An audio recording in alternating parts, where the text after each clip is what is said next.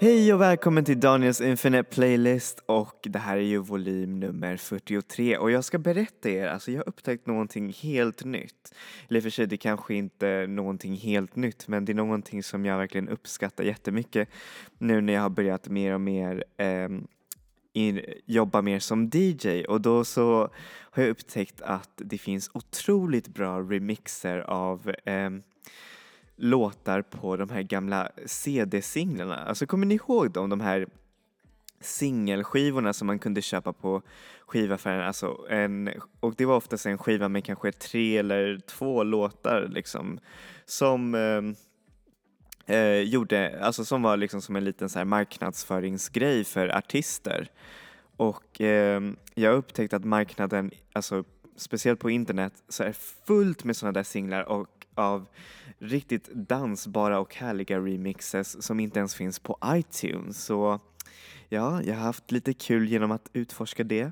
Dock så är det inte single-remixes som vi ska snacka om idag utan vi ska snacka om någonting, ja, mycket värre, nämligen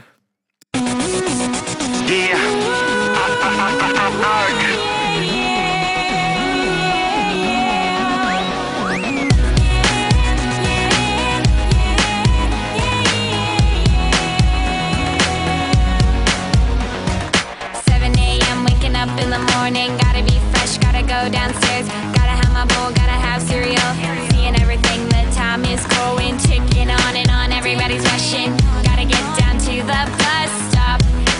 catch my bus. I see my friends kicking in the front seat, sitting in the back seat.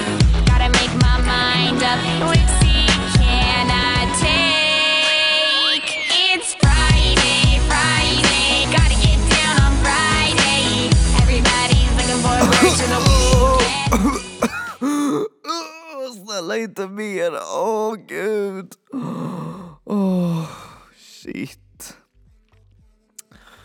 Förlåt att jag satte er igenom det där hemska musikstycket för jag verkligen hatar den, åh gud. Fast den är väldigt catchy och bra, eller? Nej, jag skojar.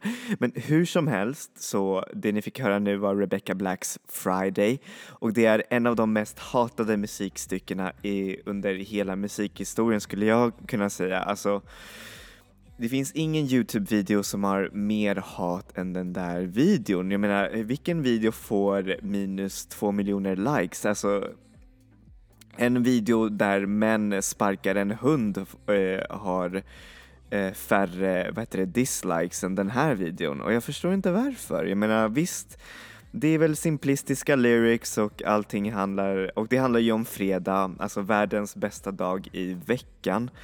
Men ändå så hatar folk, både kritiker och folk från internet, den här eh, musikvideon och musiken.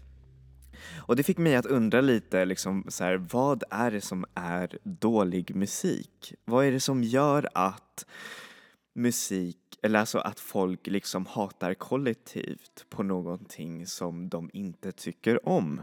Och har kritiker ens något uns av, eh, hur säger man, eh, eh, korrekthet? Har de rätt? V- vad- vem ger dem eh, au- auktoriteten över att uttala sig över konst? För konst är ju i behållarens eh, vad heter det, ögon eller öron just, just i det här hållet. För jag menar, musik är ju så himla personligt. Vad jag tycker är bra kan du tycka är otroligt dåligt. Och varför så ska vi sätta makten åt någon annan person som ger sitt ytterst subjektiva eh, eh, vad heter det, opinion till det här. Och det är det som har skakat om lite i musikvärlden och även i andra eh, former, alltså i, eh, eller hur säger man, även i andra eh, håll inom konstvärlden, nämligen eh, film, ehm, spel också och allt möjligt där kritiker finns. Och vad är, alltså vad är de att bestämma vad som är bra eller inte? För det är ju så verkligen att ett album kan få hur dålig kritik som helst och därför så får en dålig liksom eh, heter det, dåliga försäljningar, eh, dålig reputation och allt möjligt. Och det är nästan så att man kan tycka synd om artisten. Men ofta så, eh, hur säger man, ofta så skiner musikmaterialet igenom och ändå har stora fans och en stor following som faktiskt gör att albumet, albumet blir successful oavsett folk som kastar skit på det. Och det tycker jag är faktiskt ändå ganska stort. Men hur kommer det sig att vi började med musik, alltså hur kommer det sig att vi började ens med att kritisera konst i alla former, eh, eh, alltså alla former ändå? Och då så kan man hitta, alltså från, från det antika Grekland, alltså till och med i Platons bok eh, Laws så kan man hitta kriti alltså kritik på den tidens musik och även en massa eh, medeltida eh, kompositörer som skrev om eh, musikens kritik, att den var för Ja, jag vet inte. Den, den var väl för medieval. Nej, skojar.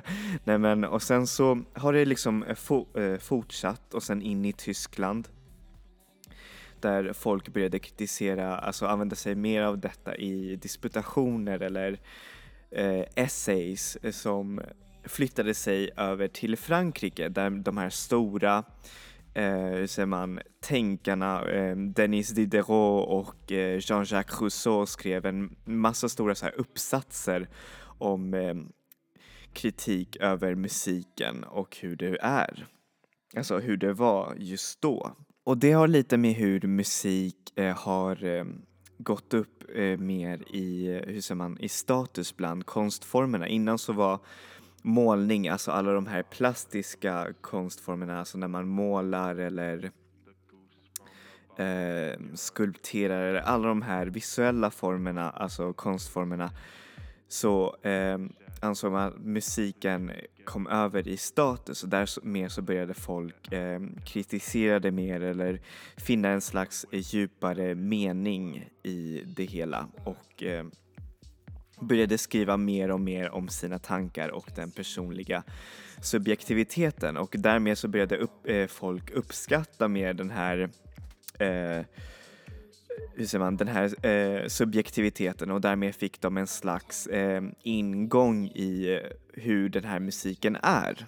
Och det exploderade riktigt in i 60-talet, 80-talet, alltså just under den där perioden så började vi till och med få stjärnkritiker, alltså inom eh, musikkritikvärlden, vilket jag tycker är jättelöjligt för, ja, som sagt, de, jag tycker de har ingen auktoritet över vad som är bra eller dåligt. Men hur som helst så höjdes de här kritikerna upp i skyarna. Allt det de sa kunde antingen, eh, hur säger man, förgöra ett, ett band och verkligen eh, förstöra ett helt karriär genom att bara skriva dåliga ord. Eller så kunde de verkligen höja upp det här bandet eller artisten upp i skyarna och eh, göra den här artisten eller stjärnan eller, alltså, eller bandet till en fullfjädrad stjärna.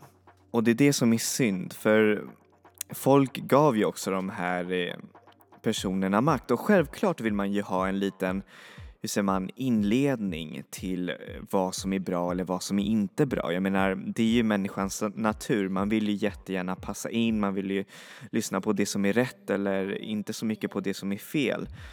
Men tyvärr är det att ibland så kan man ledas för mycket in i vad den där personen tycker. Och eh, så plötsligt så glömmer man, man bort sig själv och att man själv också har en, en smak och vad som, eh, hur säger man, eh, verkligen är bra för en själv och då så glömmer man det vilket är verkligen jätte, jättesynd. För det finns verkligen en massa artister och en massa filmer också som har verkligen fått ett, en ny uppståndelse, en ny status eh, efter att ha blivit verkligen hatade, alltså absolut hatade av kritiker. Men som verkligen typ, jag vet inte, 30 år senare har äntligen fått sin eh, återuppståndelse och folk verkligen börjar tänka nej men det här var faktiskt skitbra. Vad var det som var fel på kritikerna? Varför var de inte öppna? Och många säger ju att kritikerjobbet, alltså recensenten, det, den formen av journalistik håller på att dö ut. Och det är på grund av just internet-eran, alltså folk eh, som bloggar, folk som youtubar, folk som kommenterar eh, når upp, alltså når snabbare fram till den vanliga människan som du och jag och skriver ja ah, men det här är bra, det här är dåligt, eh, bla bla bla utan någon eh, som helst, eh, hur säger man, reflektion eller uppsats bakom det hela som, så som kritiker ibland gör.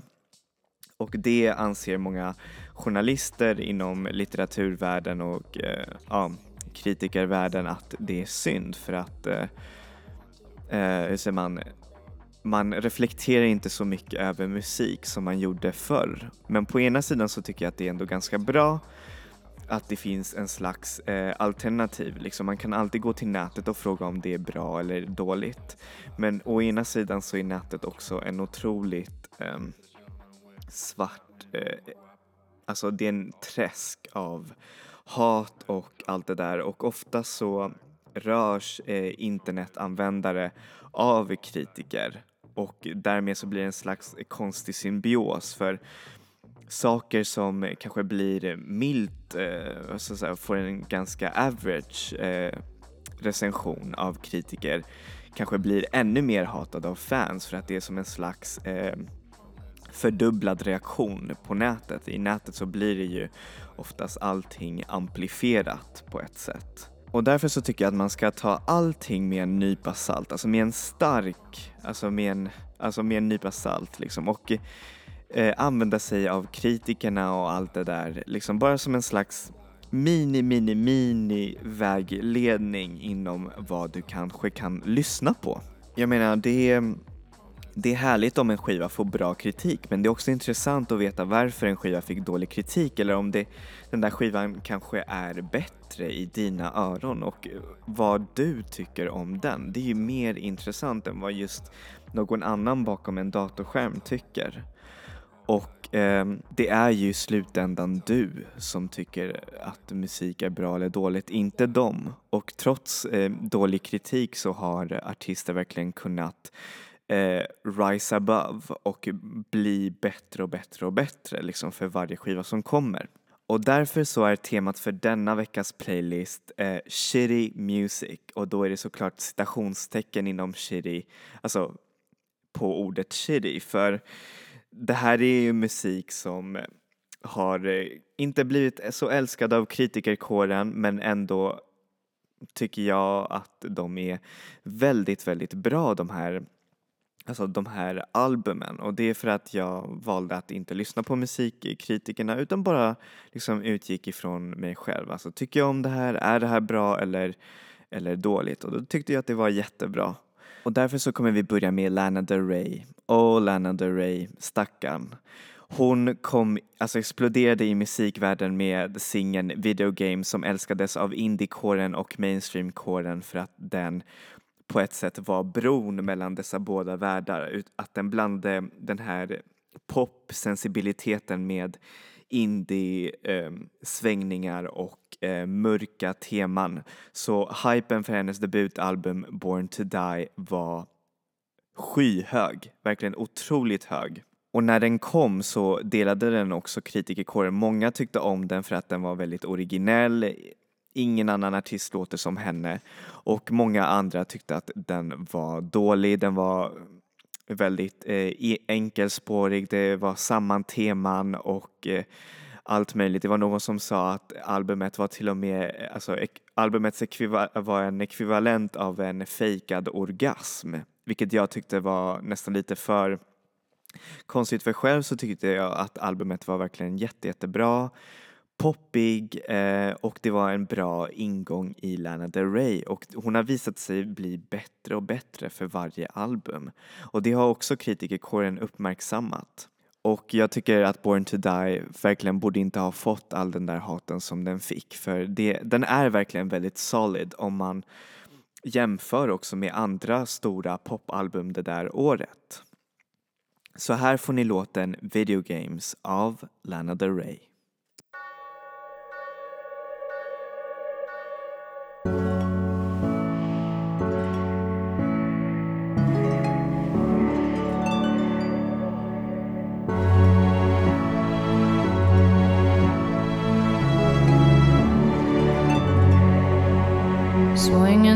Backyard, pull up in your fast car, whistling my name.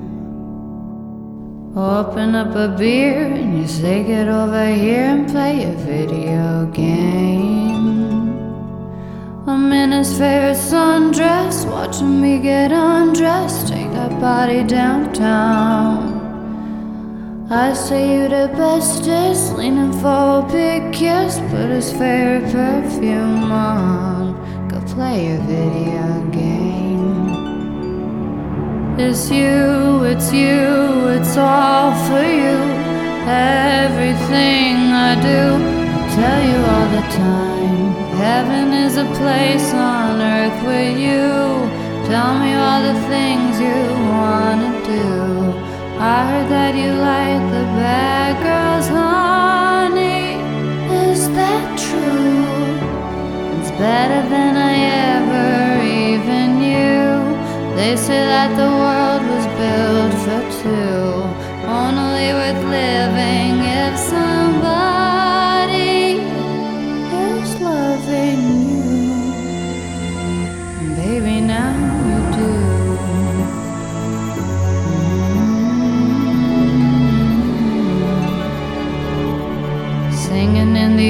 bars, swinging with the old stars, living for the fame. Kissing in the blue dark, playing and wild dots, video games. He holds me in his big arms, drunk and I am seeing stars. This is all I think of. Watching all our friends fall in and out of old clothes. This is my idea of fun.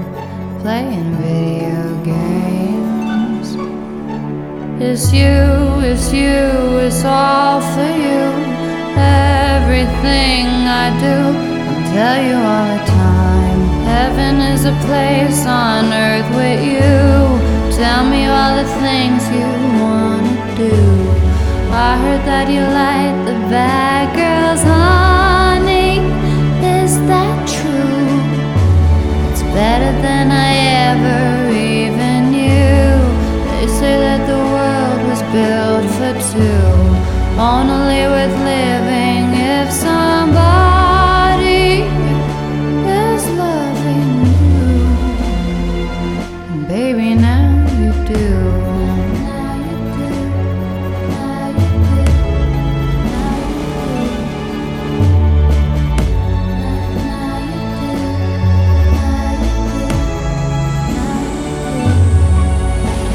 It's you, it's you, it's all for you.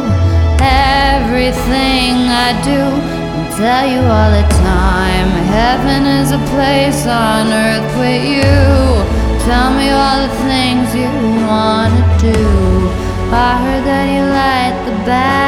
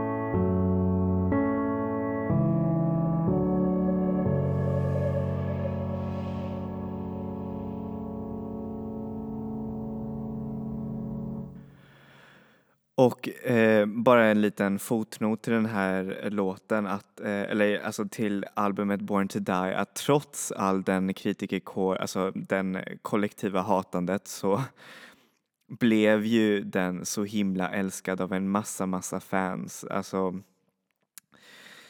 där ser man verkligen hur musik kan också transcendera vad andra folk tycker och säger. Så det är härligt. Och nu så kommer vi faktiskt fram till, en, till ett svenskt band, nämligen ett R&B eh, band som heter Ansiktet. Många av er kände, alltså känner igen ansiktet från när de exploderade i den svenska musikscenen med deras singel Äckligt som eh, handlar ju om att eh, tänja på gränserna i sitt eh, sexliv. Alltså ofta, alltså då är det ju såklart det här straighta heteronormativa sexlivet som är ju mycket mer än missionären-positionen. Och det gjorde jättemånga uncomfortable men också ganska eh, intressant att se just det här perspektivet. Och när de kom i albumet så fick den lite ljumma recensioner. Många sa att musiken inte räckte till och att eh, teman eh, kunde slå fel och allt det där. Men själv så tyckte jag att musiken var jätte, jättebra. Den var otroligt bra producerad för att vara en svensk R&B album eh, Texterna var otroligt eh, häftiga också för det är intressant att se just det här spektrat av manlig sexualitet som inte annars finns på annan R&B musik där det är oftast mannen som stoltserar och att han är king i sängen medan det här är, handlar om den här ehm, vad heter det, sensibiliteten som män också har vilket jag tycker är ändå väldigt, väldigt intressant. För manlig ego är ju väldigt skört på det sättet, alltså hur man är i sängen och allt det där. Och jag tycker att det är ändå ganska coolt att de sjunger om det här och det är ver verkligen musik som behövs som verkligen konfronterar de här könsrollerna som finns inom heterovärlden och alltså manlighet i överlag. Vilket jag tycker är verkligen otroligt intressant. Plus att det är, alltså, det är väldigt ehm, eh, trallbart, alltså man kan sjunga till dem och det är verkligen roliga texter också. Det finns en humor och ironi i det hela. Och därför så behövs ansiktet nu. Jag, jag, vet inte var de har försvunnit men de borde faktiskt göra en comeback känns det som. Så här får ni låten Naprapat av Ansiktet.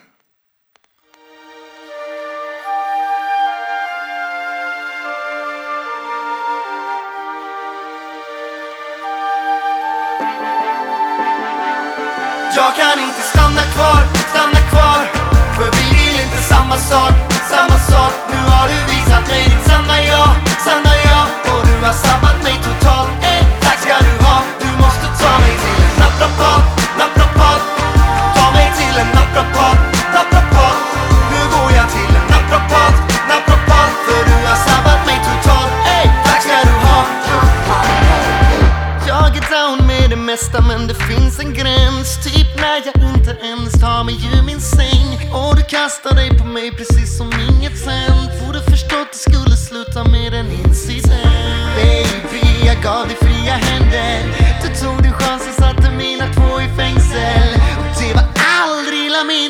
först så knäcktes benen på min säng Och sen knäcktes mina egna Så nu går jag hos en kiropraktor. Och ibland så får jag akupunktur mot mina inre smärtor. Och sjukgymnasten funkar bra som ett komplement till min naprapat. Jag kan inte stanna kvar.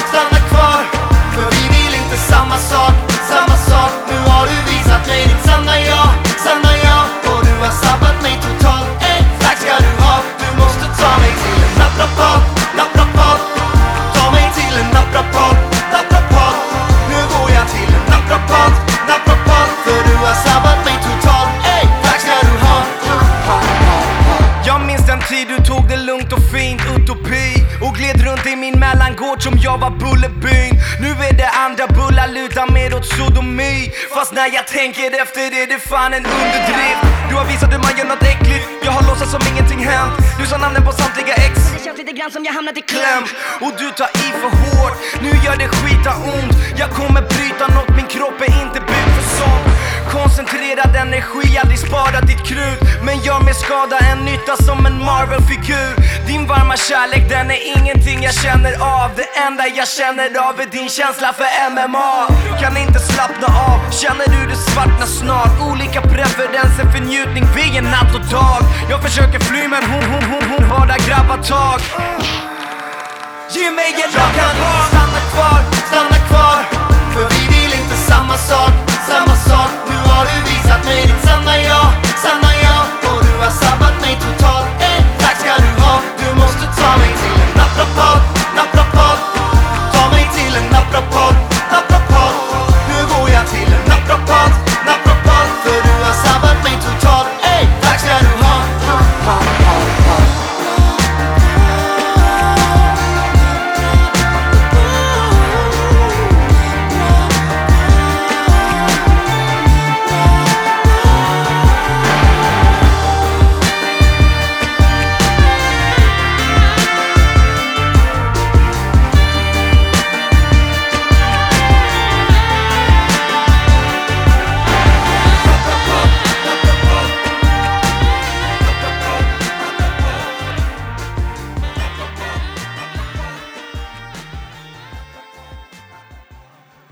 nästa låt, eh, eller skitiga låt, som eh, kommer från ett eh, ja, ganska hatat album från mu musikerkåren, kommer faktiskt från Klaxons som var en av de banden som verkligen gjorde eh, satte indie, eller dans-indie på tapeten med deras så kallade New Rave. Och de hade ju vunnit Mercury eh, Music Prize också i i, alltså för deras debutalbum och det var också väldigt, väldigt älskat av eh, kritikerkåren och sen så eh, tog de kanske fyra år på sig genom att eh, släppa det här andra albumet som många ansåg var väldigt svårt, väldigt eh, konceptfyllt och inte alls lika dansbart eh, som deras första album.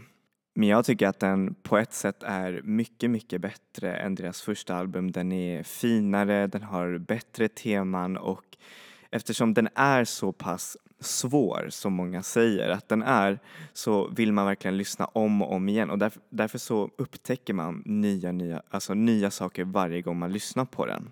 Plus så är kattalbumomslaget det är en av de bästa omslag jag har sett i hela mitt liv.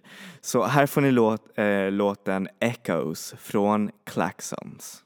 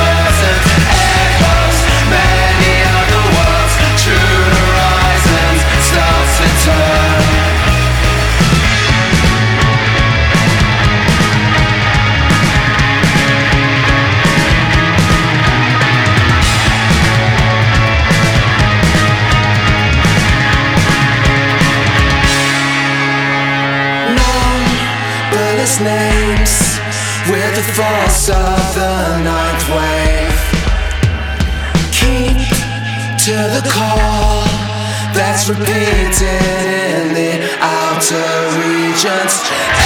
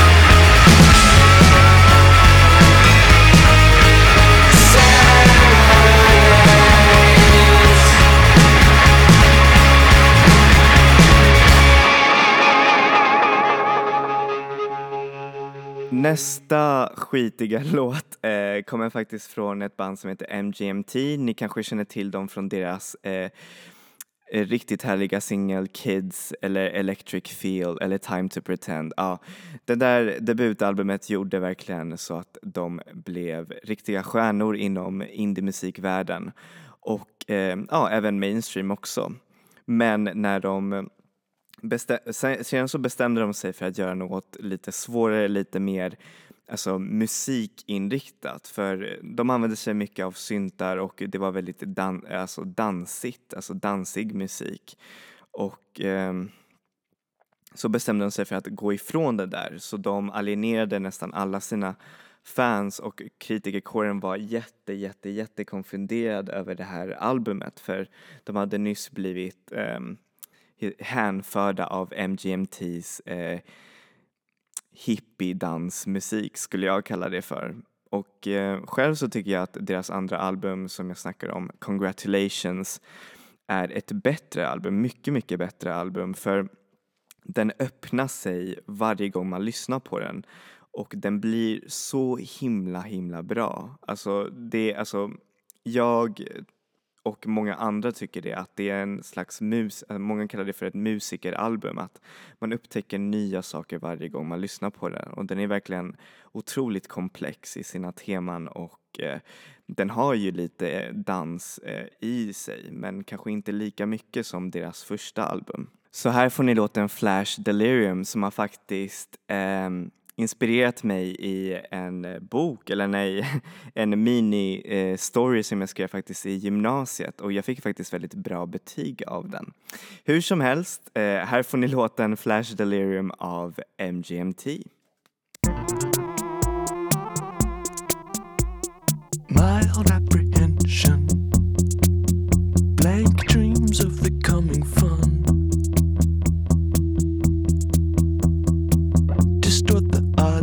But turn.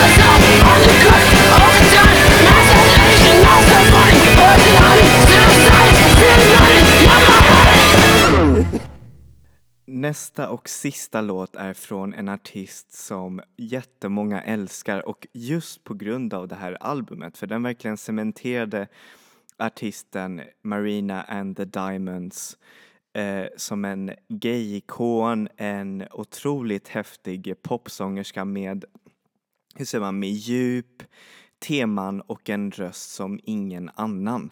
Men ändå så hatade eh, kritikerna när de eh, hörde det här albumet och det är hennes andra album Electra Heart som kom med mer än kanske fem singlar som alla nästan kom eh, etta på Billboard topplistorna. Och det var lite som en chock för en, eh, många kritiker för det, de hade fått eh, syn, alltså de hade fått höra den här lite quirky personaliteten som man fick höra på hennes debut som hade både indie och eh, pop eh, eh sensibiliteter som blandades i ganska bra. Men som, men hon tog sedan en jättestor eh, turn till det mer poppiga och det bombastiska och eh, jo, eh, gjorde ett album som var centrerad i en karaktär som var helt fearless och helt emot det hon egentligen är så som hon har sagt. Och det var det som var konceptet bakom Electra Heart. Och det, detta tyckte att kritiker var väldigt, väldigt svårt att, eh, hur säger man, att svälja. För att här så ser man precis den här riktigt eh, så här fierce eh, female eh, sång, alltså artist som verkligen står emot liksom, vad heter det, koncept och hur en kvinna ska vara. Och jag tror att många kritiker tyckte att det var lite svårt, speciellt eh, manliga kritiker. Själv så tycker jag att det är ett perfekt popalbum through and through. Varje låt är jätte, jättebra och eh,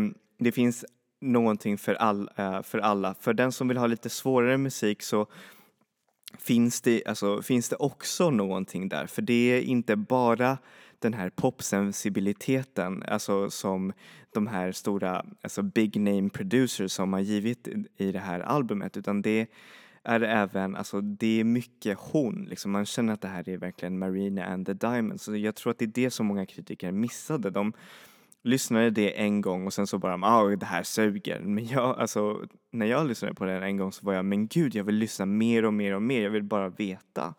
Och det är det som många andra fans eh, säger också.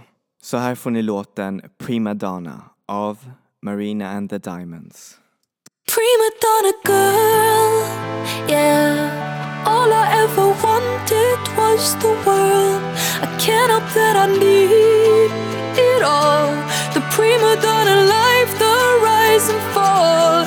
You say that I'm kinda difficult, but it's always someone else's fault. Got you wrapped around my finger, babe. You can count on me to misbehave. A prima donna girl. Would you do anything for me?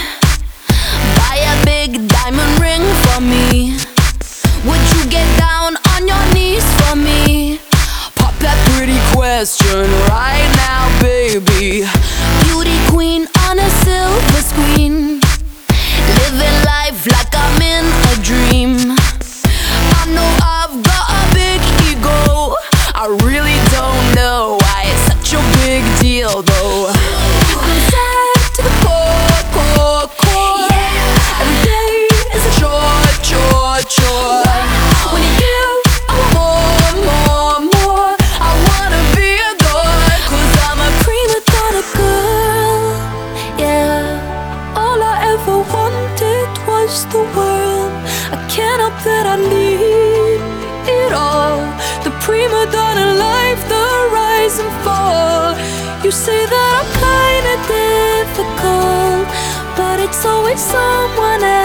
For.